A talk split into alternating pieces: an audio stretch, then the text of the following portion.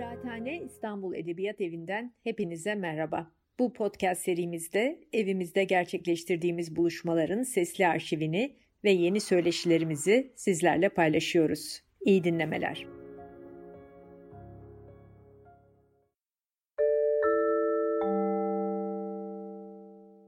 Karşılaştırmalı Mistikler e, dizimizin ikinci konuşmasını büyük Hint düşünürü Nagarjuna'ya ayırıyoruz.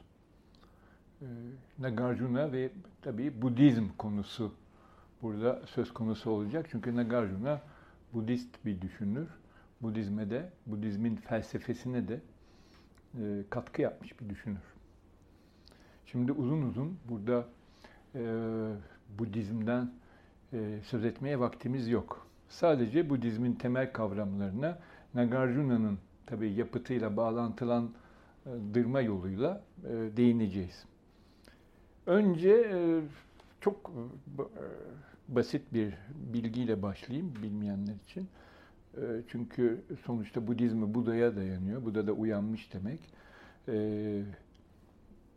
O gerçek bir kişilik aslında için bu söyleniyor. Şimdi onun hayatıyla ilgili falan biliyorsunuz filmler de vardır, ki romanlar, çok ilgilenilmiştir. Hiç onlara girmeyeceğim. Sadece e, yaşadığı dönemin tarihini vermek istiyorum. Önemli çünkü. O da milattan önce 6. yüzyılla 5. yüzyıl arası olduğu düşünülüyor.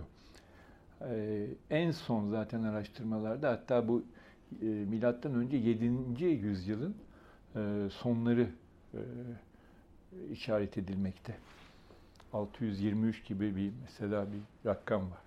Evet yani bayağı e, eski bir e, kişilik karşımızda ve e, uyanmış Shakyamuni e, diyorlar buna. Yani bu da uyanmış demektir. Üç öğreti toplamı ortaya koymuştur. Üç öğreti toplamı. Bunlar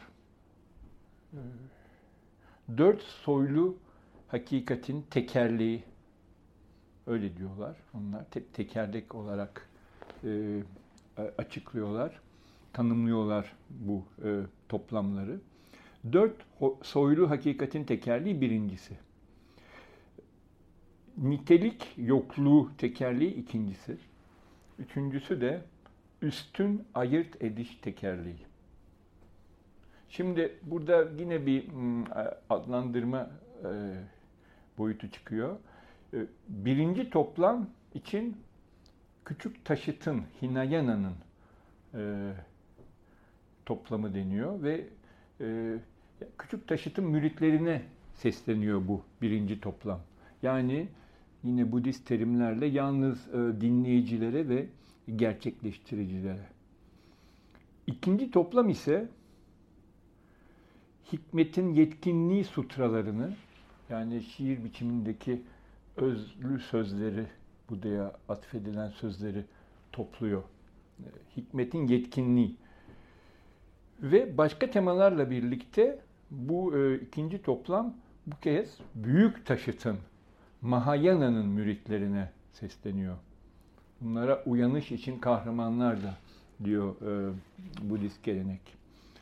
Üçüncü toplamın sutralarının başlıca dinleyicileri de bu e, büyük tekerleğin müritleri. Bizi bu üçüncü toplam e, ilgilendirecek en çok e, ve onun bağlandığı Mahayana, büyük taşıt. Üçüncü toplamda uyanmış yani bu da gerçek ve gerçek dışı fenomenleri ayırt eder. İkinci tekerlek yani bu üçüncü toplam için e, söylen e, şey bir e, niteleme. E, ikinci tekerlek kendine kendinde varlık boşluğunu öğretir. Kendinde varlık boşluğu diyorlar. Bunlara tabii birazdan değineceğiz. Bunda e, yolun merhaleleri dolaylı olarak ortaya konulmaktadır. Dolayısıyla e, anlamları kapalıdır. Ancak bir ustanın e, açıklamasıyla bunlar e, anlaşılabilir. Ustanın öğretisine başvurmak gerekiyor üçüncü toplamda. Şimdi tarihsel e, bir e, bakış açısına dönersek e, Buda'dan sonra önce daha çok küçük taşıtın öğretileri yayıldı. Bu oysa büyük taşıtın öğretileri bu yayılmayı göstermeyip bir çeşit bozulmaya hatta onların da pratiği yok olmaya e, yüz tuttu. İşte e, bu e, Mahayana'nın yani bu büyük taşıtın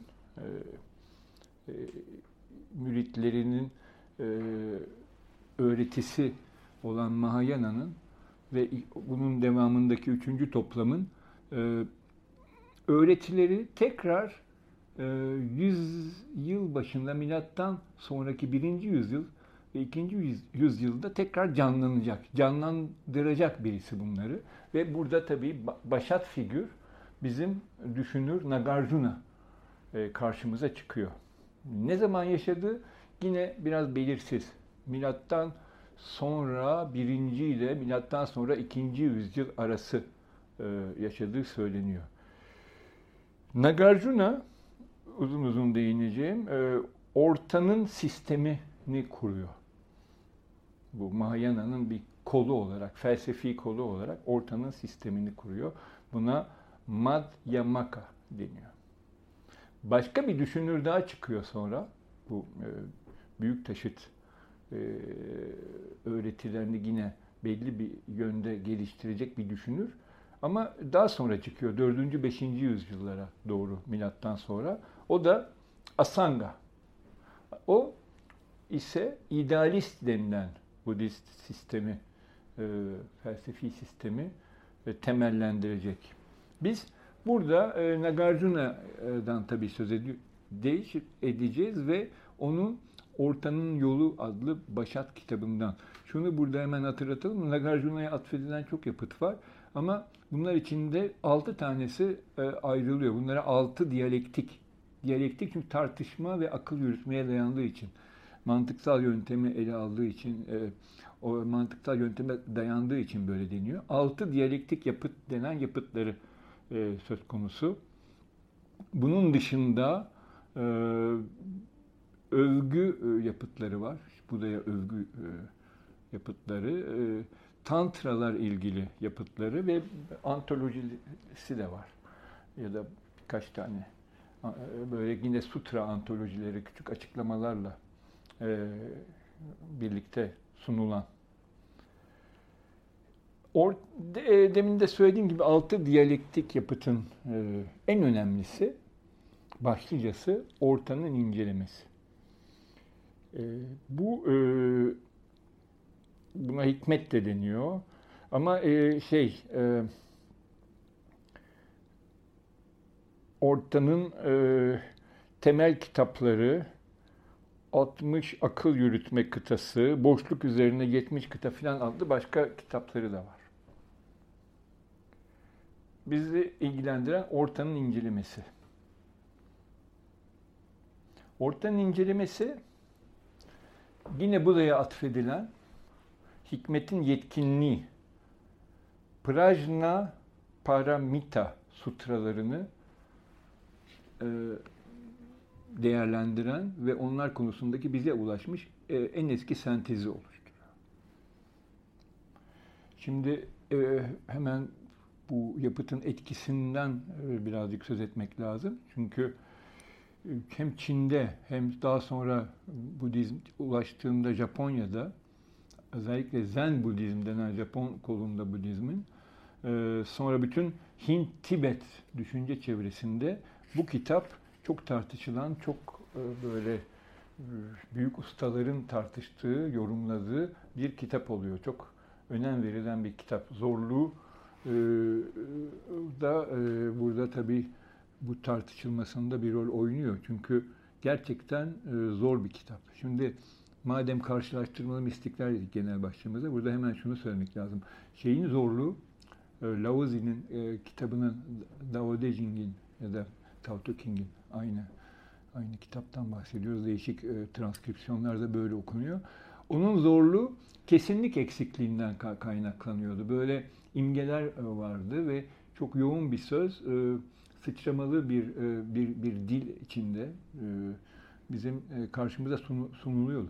Oysa burada tam tersi kesinlik arayışından çok sıkı bir akıl yürütme ve dolayısıyla mantıksal kesinlik arayışı yüzünden bir zorluk karşımıza çıkmakta hani bir benzetme yaparsak Batı düşüncesinde Spinoza'nın etikası aklımıza gelebilir. Ondan sonra hatta işte Fichte'nin e, e, kitabının değişik baskıları falan. Yani aşırı e, yoğun bir mantıksal çıkarım düzlemi sunuyor e, şeyde ortanın sisteminde Nagarjuna. Zorluk buradan kaynaklanıyor. Yani kesinlik arayışından. Öbüründe de tam tersi kesinlik eksikliğinden kaynaklanıyordu. Bu başka türlü bir zorluk. Belki daha alıştığımız yani felsefe tarihi yorumcuların daha alıştığı bir bir zorluk. Ee, yani içinden çıkılmayacak bir zorluk değil. Öbüründe e, biraz e, boş kalan, eksik kalan e, alanları biraz sezgimizle, e, varsayımlarımızla doldurmak zorundaydık. Burada aslında çok kesin mantık çalışmasıyla karşımıza çıkan çok böyle yetkin bir yapıt var. Ama aşırı yoğun. Size zaten bu konuşmamda iki tane bölümü okuyacağım. İki bölümünü okuyacağım bu yapıtın. Biraz da değerlendireceğiz.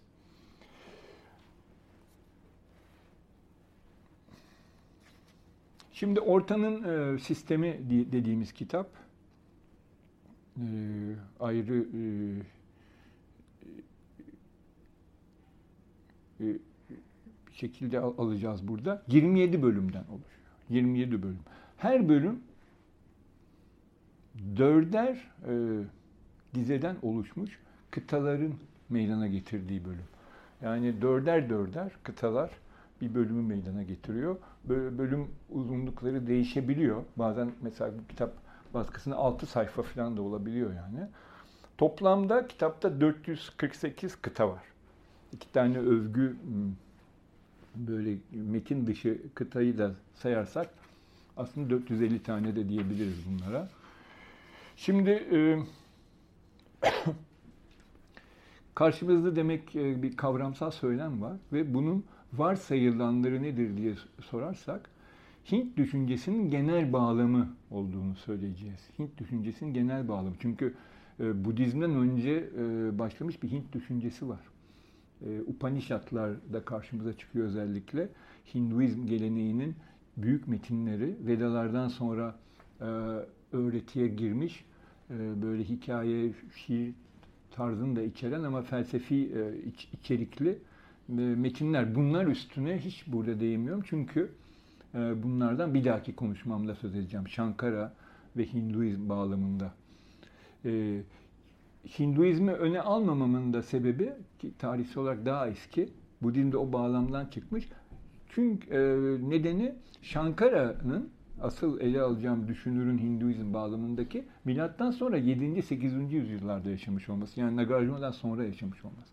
Bu yüzden de hatta Nagarjuna düşüncesini bildiği varsayılan bir düşünürdür. Hatta o Mahayana'nın o e, ortanın sistemi yorumuna bir şekilde yanıt verme çabasıyla aslında oluşmuş bir düşünce olduğu da söylenmiştir Şankara'nın düşüncesi. Bu yüzden önce ele almak daha e, uygun göründü bana Nagarjuna'yı Şankara'dan önce.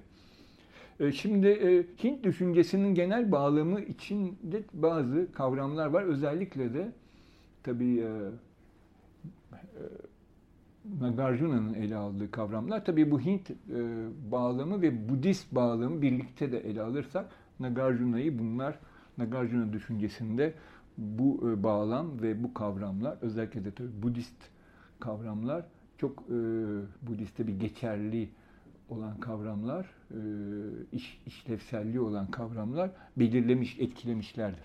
Mesela e, köleleşme kavramı, bant, hana kavramı köleleşme diye çevirebiliriz. Moksha kavramı, özgürleşme, ya da kurtuluş olarak çevirebiliriz. Samsara kavramı, Şamşara da diyorlar. Samsara bu çok önemli çevrim. Çevrim kavramı. E, bu da için e, bir deyim olan Tathagata kavramı böyle gitmiş diye çevrilebilir ve çok önemli herkesin bildiği e, bildiğini var e, söyle yani sandığı belki demek daha doğru Nirvana kavramı.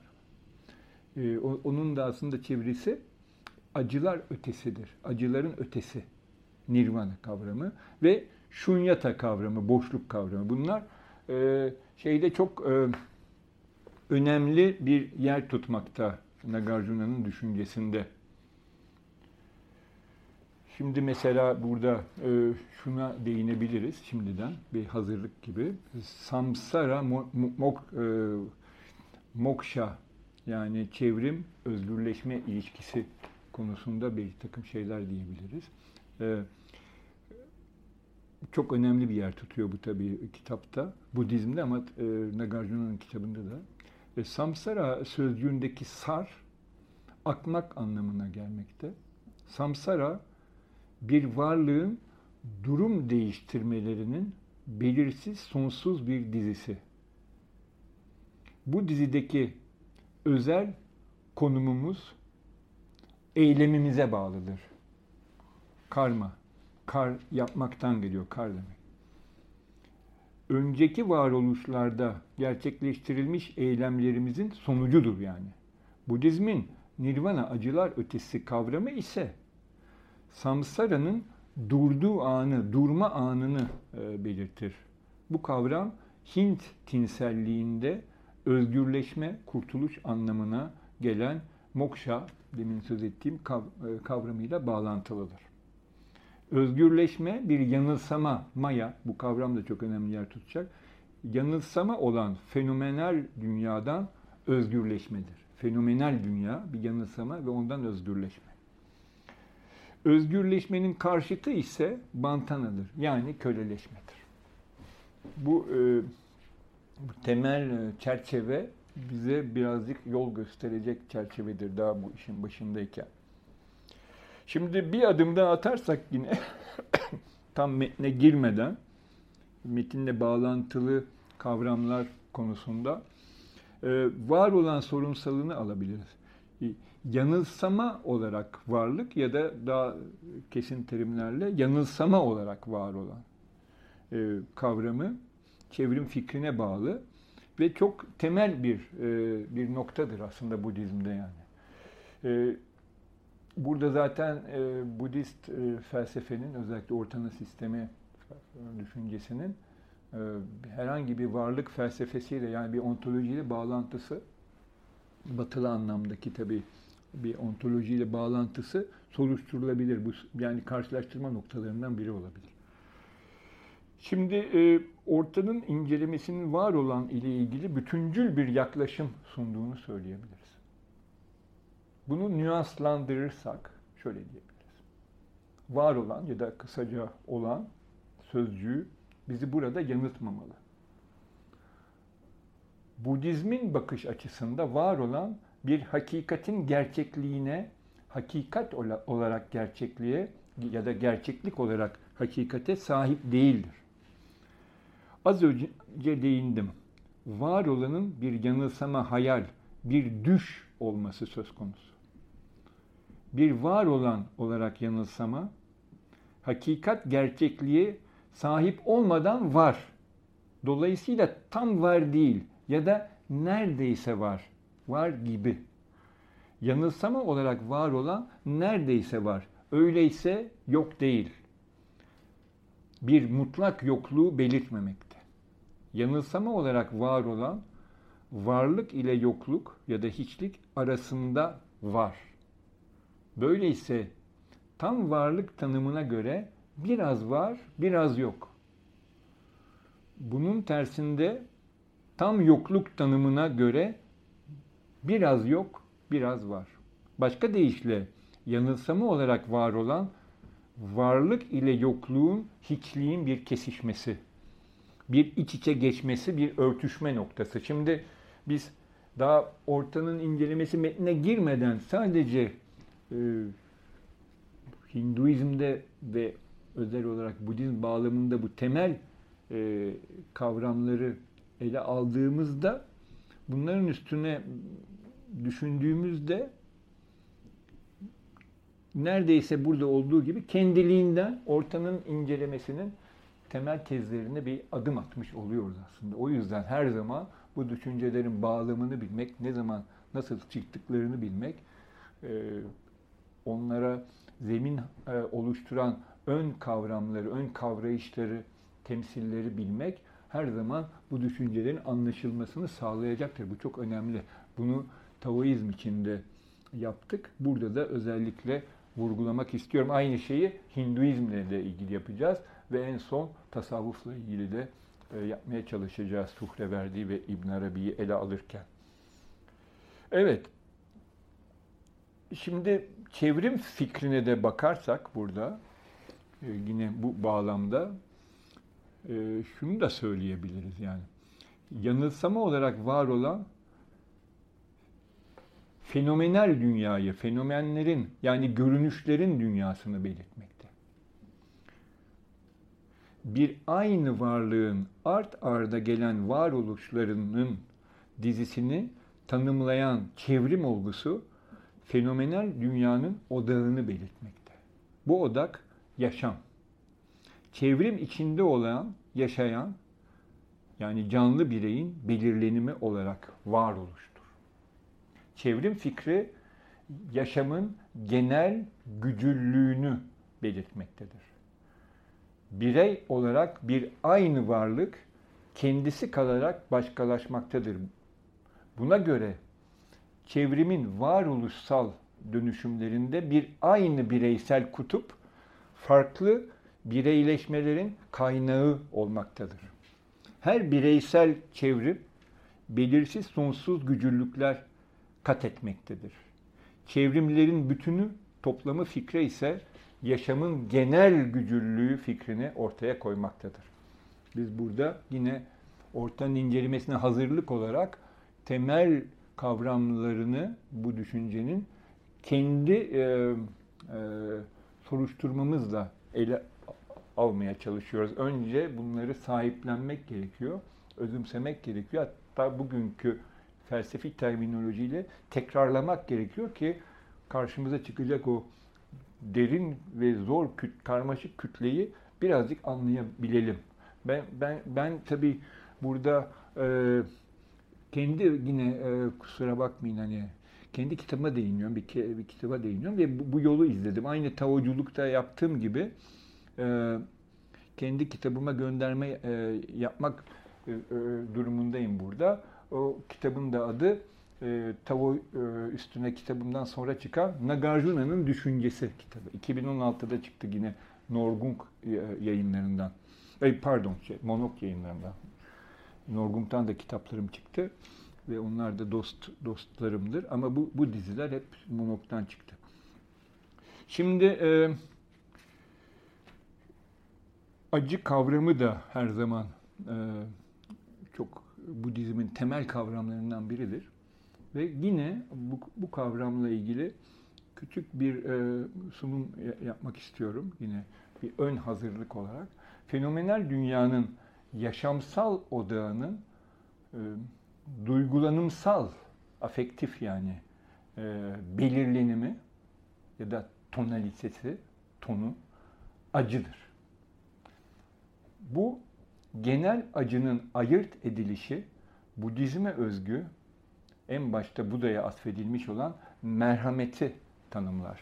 Budizme özgü merhamet özel durumlarla ilgili değil, fenomenal dünyanın bütününe ve onda elbette yaşamın belirlenimlerine yayılan genel bir merhamettir. En son bir kavrama daha değineceğim. Zaten konuşmamızı yine o kavramla bitireceğiz. Ortanın incelemesinden bir bölüm okuyarak. Bu kavramda demin de adını andık bunun nirvana kavramıdır. Acıların ötesi, acılar ötesi kavramı.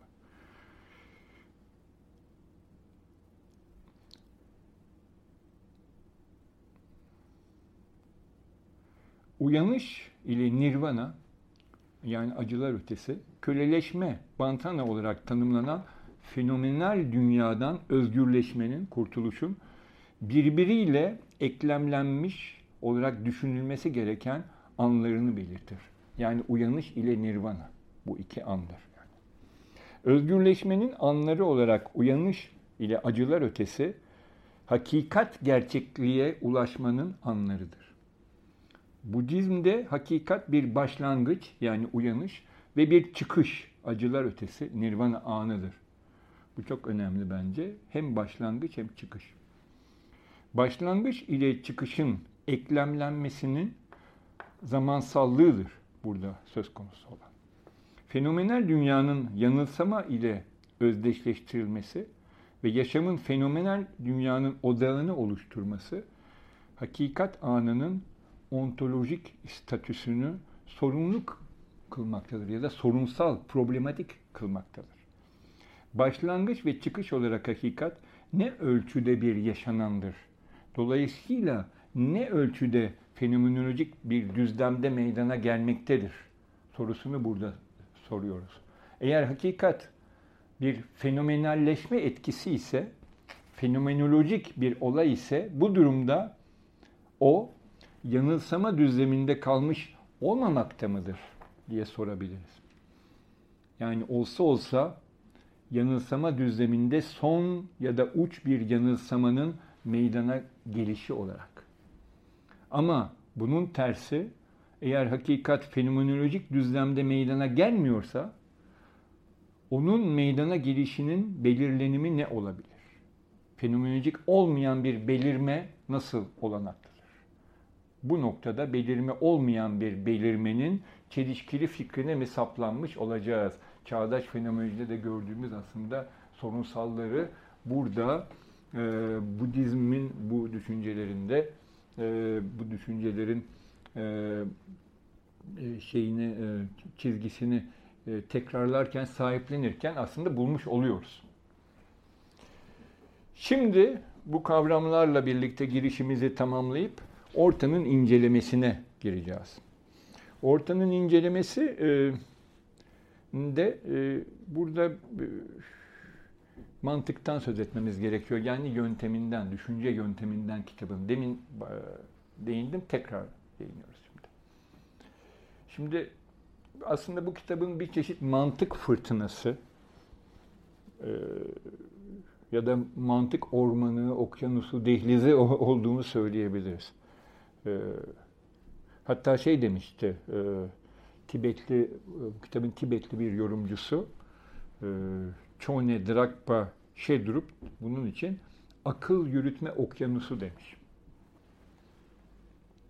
Kitabın burada kıta kıta satır satır yani kitabımda da yapmadım, burada da yapamayacağım. Tabii, e, anlamını açıklamaya girişmedim. Halbuki e, bunu böyle şeyde Tao e, ile ilgili böyle yapmıştım Lavazin'in kitabıyla ilgili. Burada çünkü e, bu okyanusta burada kaybolma tehlikesi var.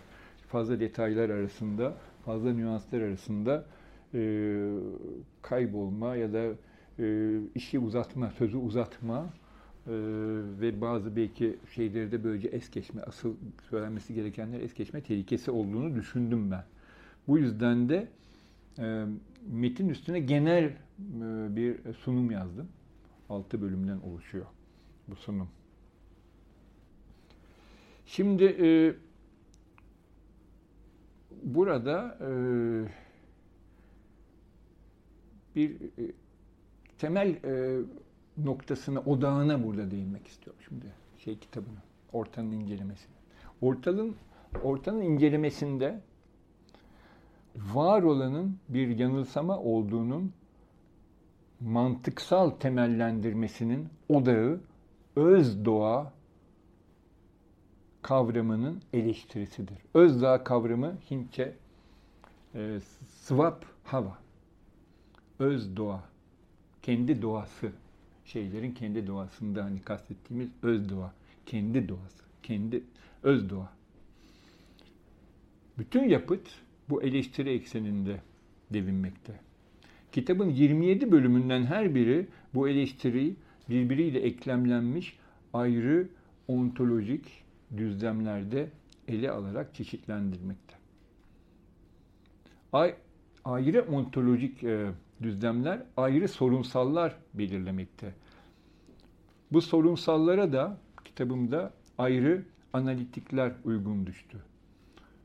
Sorunsallar yani analitikler iç içe geçmiş olmakla birlikte belli bir sıralama içinde yer alıyor. Bu sıralamayı göz önünde bulundurarak kitabı ana yönlere ayırmak bana olanaklı göründü. Bu ana yönler benim yorum denememin de bölüm başlıklarını oluşturdu. Burada beş e, sorunsal e, ayırdım ben kitapta. Sorunsalların sıralamasında ilk öne çıkan türeyiş sorun, sorunsalı. Buna nedensellik sorunsalı da bağlanmakta. İkinci olarak ortanın sisteminin fiziği diye nitelendirilebilecek bir sorunsal söz konusu. Bunun ardından üçüncü sorunsal geliyor. Üçüncü olarak bu çifte sorunsal fenomenin yapısı ve canlı öznenin fenomenolojisi sorunsalı belirginlik kazanmış durumda. Ee, yani bir e, bu, bu çifte sorunsal yani bir çifte sorunsal. Yani fenomenin yapısı ve canlı öznenin fenomenolojisi. Fenomen nedir? Ve o fenomeni e, fenomenle e, karşı karşıya olan öznenin bir fenomen olarak ele alınışı, birlikte ele alınışları. Fenomenin yapısı ve öznenin fenomenolojisi karşımıza çıkıyor. Bunun devamında dördüncü aşamada Nagarjuna'nın kitabının odağını oluşturan demin değindim öz doğa ve bağımlı varoluş sorunsalı ele, ele alınmalı. Bu sorunsal aslında kitabın bütününe e, e, e, yayılmış, bunu söyledim. Ve kitabın bütününün yalnızca bu sorunsal bakımından yeniden değerlendirmesini gerekli kılan bir sorunsal. Yani öbürlerini o aşamada askıya alıp bütün hepsini tekrar bu sorunsal açısından okumakta gerekiyor. Yani iki, ikiye katlayarak okumayı gerekiyor. Son olarak ise beşinci aşamada etiko-mistik sorunsal dediğim sorunsal geliyor. Yani Budist deyim yine meyveler, yani karşılıklar anlamı meyveler, çevrim, acılar ötesi sorunlarını e, kapsayan sorunsal.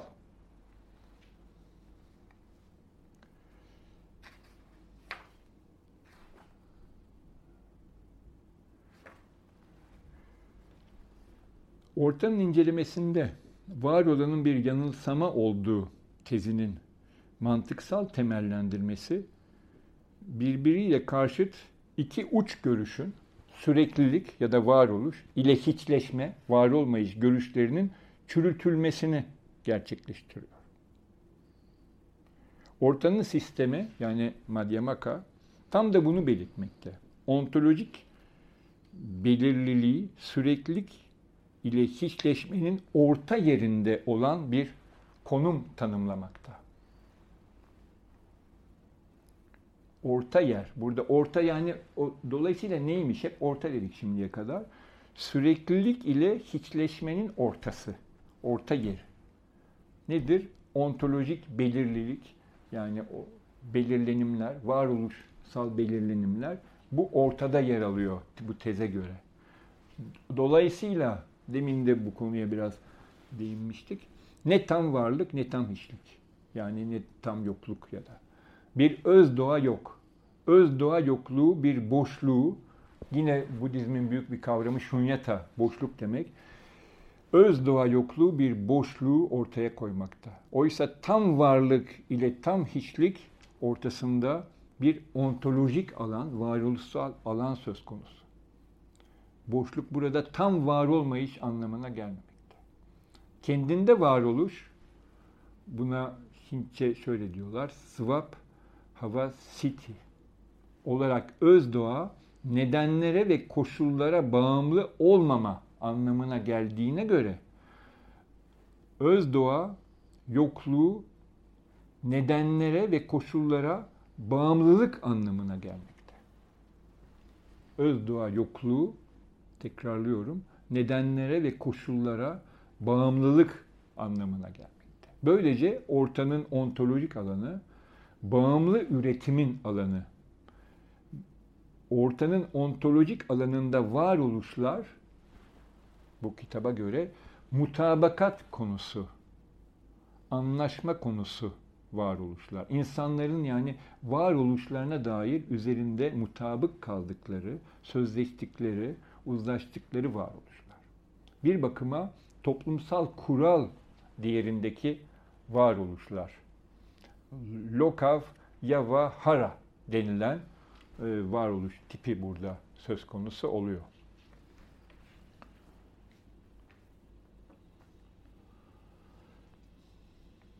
Böylece kitabın ana eksenini e, oluşturan nokta öz doğa ontolojisine karşı bir bağımlı üretim ya da konvansiyonel varoluş kurmak. Ve bu bağımlı üretim e, aslında bir çeşit yanılsama ontolojisi belirliyor. Benim saptamalarım böyle oldu kitapta. Ama sonra bu yanılsama ortamının da yanılsama olarak var olanın da aşılması söz konusu olacak. Önce bu ortanın e, ontolojisi, yanılsamanın ontolojisi olarak yani ne tam varlık ne tam işlik ilkesine göre e, belirle, belirlenmiş bir, bir, bir ortamın ontolojisi e, sunulacak. Bundan sonra da bunun aşılması söz konusu olacak. Ama önce onun tanımlanması gerekiyor. Kitabın büyük bölümü zaten dördüncü, beşinci bölüme kadarki bölümleri temelde bunları anlatmaya çalışıyor. Bu ortanın ontolojisini anlatmaya çalışıyor. Ama sonra bunun aşılması söz konusu olacak. Şimdi böylece kitabın beşinci e, bölümüne ben burada atlıyorum. Ve e, bazı noktaları burada e, işaret edip o bölümü olduğu gibi okuyacağım. Kitabın da üslubunu burada görmüş olacaksınız nasıl bir üslup olduğunu, karşımıza nasıl bir üslubun çıktığını.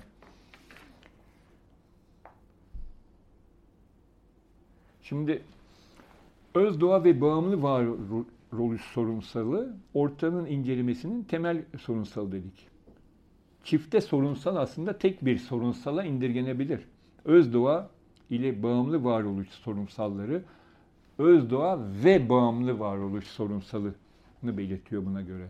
Çifte sorunsalın tek bir sorunsala sorunsalda ifadesini yapıtın iki başat tezini oluşturan öz doğa yokluğu tezi ile bağımlı varoluş ya da bağımlı üretim tezinin birbirinin bağlılaşı, korrela dedik yani birbiriyle bağlantılılığı e, olanaklı kılmakta. Öz doğanın reddedilmesi, bağımlı varoluşun olumlanması ile eklemleniyor buna göre. Öz doğa yoksa bağımlı varoluş var.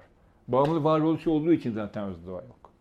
Bütün şey burada, denge. Bu iki kavram arasındaki bağ ve denge. Yani bu iki mantıksal alan birbirine göndermekte. Öz doğa ve bağımlı varoluş sorunsalının tartışılması bütün kitaba egemen dedik. Böylece bu sorunsal kitabın başlıca sorunsallarını ele alırken hep karşımıza karşıma çıktı. Karşımıza çıkmakta kitabı okunca. Bu kez öz doğa ve bağımlı varoluş sorunsalını kendisi itibarıyla ele, ele almak gerekiyor.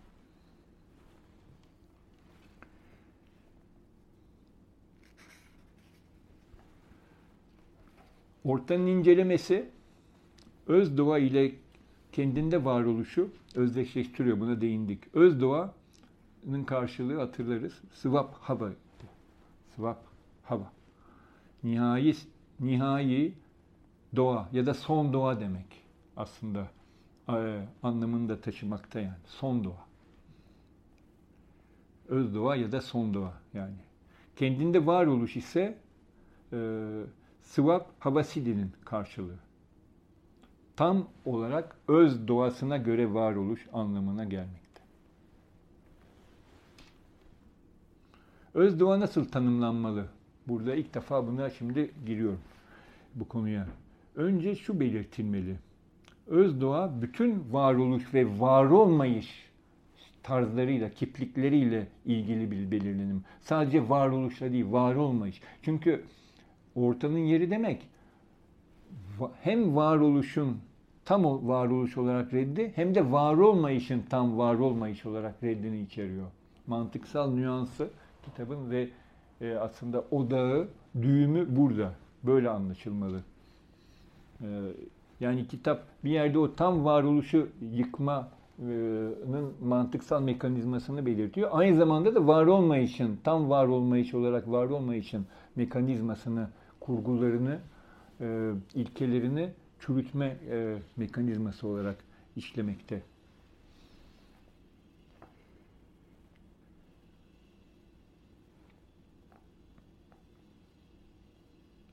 E, kendinde varoluş olarak öz e, doğanın genel fikrinde kendi öz yani varoluş ve doğa fikirleri bir araya gelmiş durumda. Burada doğadan Latince'deki entitas'ı anlamak olanaklı görünmekte.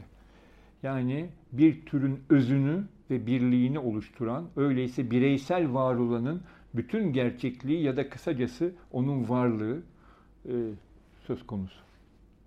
Bu anlamda doğa bir öz doğa. Dolayısıyla öz ve doğa fikirleri kaynaşmış durumda. Eğer doğa bireysel var, var olanın varlığını belirtiyorsa doğa ile varlık kavramları eş anlamlı sayılabilir. Buna göre öz doğasına göre varoluşta bir kendi öz olan doğa varlığın varoluşu söz konusu.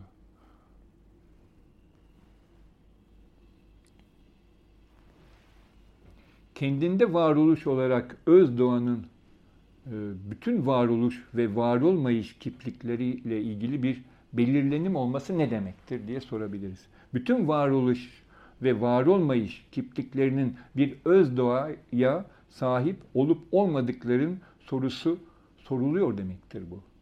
Eğer bunun yanıtında bütün varoluş ve var olmayış kipliklerinin bir öz doğaya sahip olmadıkları ortaya çıkacaksa bu kipliklerin ontolojik statüsü radikal bir sarsıntı geçirecektir.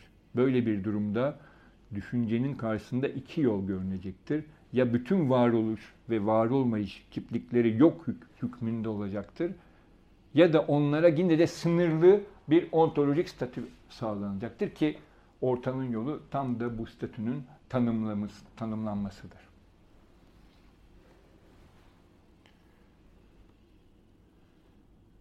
Dolayısıyla ortanın incelemesi bu e, soruya, özdoğa sorusuna mantıksal yöntemi kullanarak olumsuz yanıt veriyor. Hayır, bu kiplikler bir öz doğaya sahip değil. Böylece bu kipliklerin ontolojik statüsü radikal bir sarsıntı geçiriyor dedik. Yapıt bu durumda düşüncenin karşısına çıkan iki yoldan bütün varoluş ve var olmayış kipliklerine sınırlı bir ontolojik statü sağlama ya da tanıma yolunu belir, benimsiyor. Bu sınırlı ontolojik statü konvansiyonel varoluş terimleriyle belirleniyor. Demin de değindim. Konvansiyonel varoluş tasarımı bağımlı üretim tasarımına dayanmakta. Buna bağımlı varoluş tasarımı da denilebilir. Dolayısıyla öz doğa yokluğu ile bağımlı üretimin birlikte sezgisi söz konusu e, kitapta.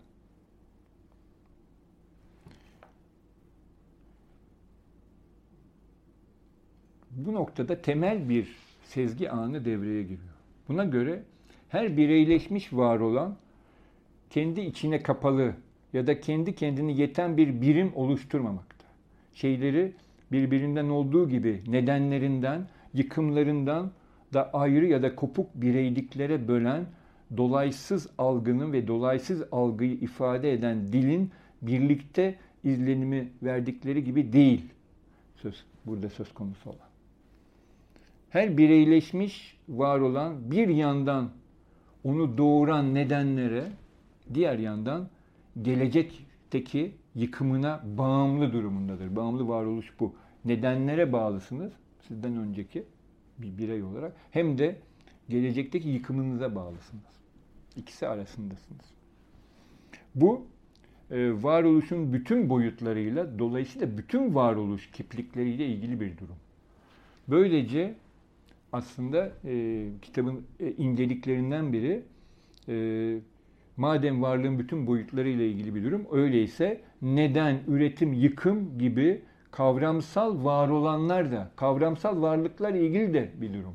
Kavramsal varlıklar da burada söz konusu ediliyor. Sadece sadece yani fenomenal dünyada e, bizim algıladığımız e, ya da duyumsadığımız e, var olanlar, nesneler söz konusu değil. Ama burada genel e, fenomenal düzlemde kavramlar da, kavramların varlığı da söz konusu. Kitabın çok ince noktalarından, çok derin noktalarından biri bu aslında. Yani dolayısıyla her bireyleşmiş var olan kendisi itibarıyla var değil. Ama belli bir bağımlılık ilişkisinin bir anı olarak var.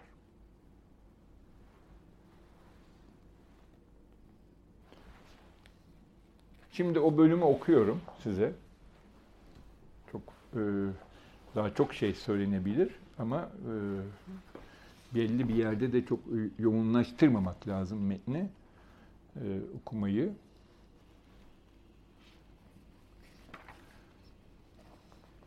Burada yorumlamadan okuyacağım. Bütün söylediklerimizden yola çıkarak bir e, e, herkes, her dinleyici kendi yorumunu yapabilir, bağlantılandırabilir.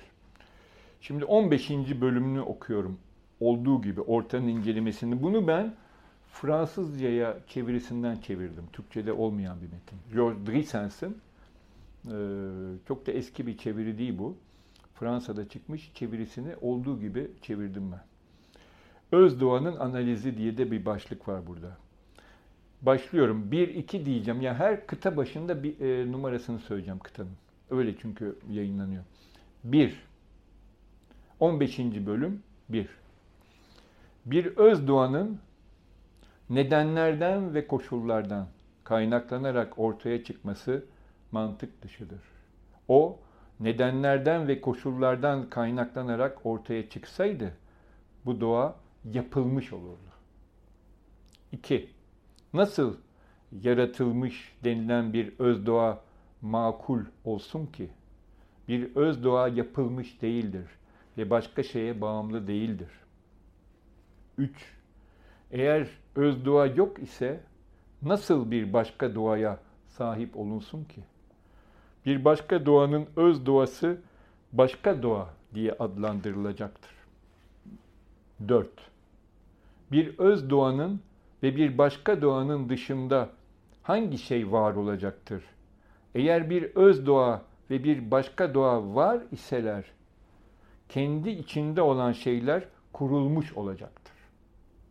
5. Eğer bir şey kurulmuş değilse, bir şey olmayan kurulmuş olmayacaktır. Çünkü bir şeyin dönüşümüne dünya şey olmayan diyor. 6. Bir öz doğa, bir başka doğa, şeyler ve şey olmayanlar tasarlayanlar galibin bu da söz konusu öğretisinin böyleliğini algılamıyorlar. 7. Katyayana'ya öğütünde şeyleri ve şey olmayanları bilen aşkın galip hem varoluşu hem de var olmayışı çürüttü. 8. Bir öz doğa var olmayan olmaz. Bir öz doğanın dönüşmesi tamamen akıl dışıdır. 9. İtiraz. Eğer öz doğa var değilse değişen nedir? Yanıt. Eğer öz doğa var ise değişen nedir? 10. Var demek bir süreklilik kavrayışıdır. Var değil demek bir hiçleşme görüşüdür. Bundan ötürü bilgeler varoluşta ya da var olmayışta kalmamalıdır. Kendinde ya yani 11 kendinde var olan süreklidir. Çünkü bu var değil olmaz. Öncel olarak belirmiş olanın şimdi var olmadığını söylemenin sonucu hiçleşmedir. Şimdi en son, buna çok kısaca değineceğim, bölüme geliyoruz. Yani 6. bölüm aslında. 6. bölümde etik, mistik, sorunsal dediğim sorunsal karşımıza çıkıyor. Ee, burada e, şeyi okumam belki iyi olurdu ama e, çok da e, uzatmak istemiyorum sözü. e, bunu bulabilirsiniz. Bu, Buda'nın son vaazı. Benares'te ölmeden önceki son vaazındaki dört hakikati Buda dile getiriyor. Yani bu Budizme giriş için aslında en temel metindir. Bunu her yerde bulabilirsiniz. Türkçe'de çevirmiştir defalarca. Ben de çevirmiştim. Onu okuyacaktım ama bir buçuk sayfayı şimdi e, çok e, lafımı uzatmamak için okumuyorum. E, Buda'nın dört kutsal hakikatinden üçüncüsü ve dördüncüsü doğrudan etik düzlemi belirtmekte. E, özgürleşme ve acılar ötesi mistik hedefi oluşturuyor.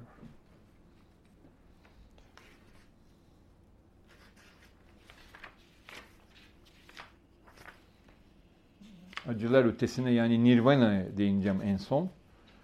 Acılar ötesi terimi nirvana'nın karşılığı. Bu karşılık yetkin bir çağdaş uzman olan e, bu çeviri yapan e, kişi George Drissens'in nirvana terimi için önerdiği acılar ötesi, Fransızca au-delà des diyor e, deyiminin Türkçesi. E, Sanskritçe nirvana yatsımayı belirten e, nirden geliyor e, ve soluğu belirten va'dan geliyor, oluşmuş. Buna göre nirvana etimolojik olarak soluğun duruşuna, bitiş, bitişine değiniyor. Acılar ötesi terimi soluğun duruşu belirleniminin Budizmin temelindeki kutsal hakikatler öğretisinin bakış açısına göre yorum e, yor, e, e, yorumlanışı. Acılar ötesiyle birlikte ontolojik alanın bütünüyle aşılmasının söz konusu olduğunu belirtiyor e, ortanın sisteminin bağımlı var, varoluş, bağımlı ya da bağımlı üretim tasarımıyla ontolojik alanı teorik hakikatinde bağımlı var olanların alanı olarak tanımladığını kitapta gördük. Ontolojik alanın bütünüyle açılması ne anlama gelmektedir sorusunu burada sor- sormak gerekiyor. Bu Budizmin bağlamında Buda'nın ifade ettiği dört kutsal hakikatten üçüncüsünü işaret ediyor. Acının olası bitişi. Bu olasılık e, bu, e, Budizmi özünde tanımlayan olasılıktır. Ontolojik alan e, genel yanılsama alanının alanını oluşturmaktadır. Ontolojik alan acı, e, ya, e, yanılsama birliktedir. Yani ontolojik alan diyoruz, acı diyoruz, yanılsama diyoruz. Bunlar aslında birlikte e, bu, Budizm'de. Buradaki ayrı bir sonuçta kitapta değindim. Burada üstünde duramayacağım. Yani bu nirvana'nın gerçek olarak ölümden, gerçek ölümden, ölmekten e, ne ölçüde ayrıldığı söz konusu. Tabii ortaya çıkan sonuç tabii ölüm değil nirvana. Ölüm değil ama deneyimi aşan bir deneyim olarak ve gizemini koruyan bir e, bir bir adım, bir öteye adım, e, bir aşama. Ama bu aşamanın ne olduğu konusunda kesin bir e, bir e, söz e, yok. Bunu belirtmek lazım yani. E, bu, bu çok e, önemli bir konu aslında. Yine bir deneyim söz konusu ama deneyimi aşan bir deneyim. Ama yine bir deneyim. Burada bir paradoksal bir düşünce yapısıyla karşımıza e, karşı karşıya kalıyoruz. Bir çeşit düşünce apolisi var. Ama ölüm olarak da yorumlamamak lazım. E, etimolojik kökenine rağmen. E, ve böyle anlaşılması tabii çok basite indirger. Bütün Budizmin özü burada. E, o zaman kurtuluş ya ölmek mi gibi bir şey çıkıyor ki e, çok e, basit bir, bir sonuç bu. Hiç Budizme aslında uymayan. E, çünkü burada aslında e, bunun, bu deneyimin e, bu hani öte deneyimin, deneyim ötesi deneyimin meditasyonda aslında bir çeşit soruşturmaya e, dönüştüğü söyleyebiliriz. Yani yanıt aslında meditasyonda, meditasyonda çok özel çok e, belirsiz ve belki de ifade edilemez, itiraf edilemez hatta bir alan olarak o bu bir çeşit karan, e, karanlığı korumakta burada bu konuyla ilgili. E, burada son örneği okuyarak bitireceğim. E, son örnek de zaten bu Nirvana ile ilgili bölüm kitaptan. 25. bölümünü okuyacağım kitabın size. Ee,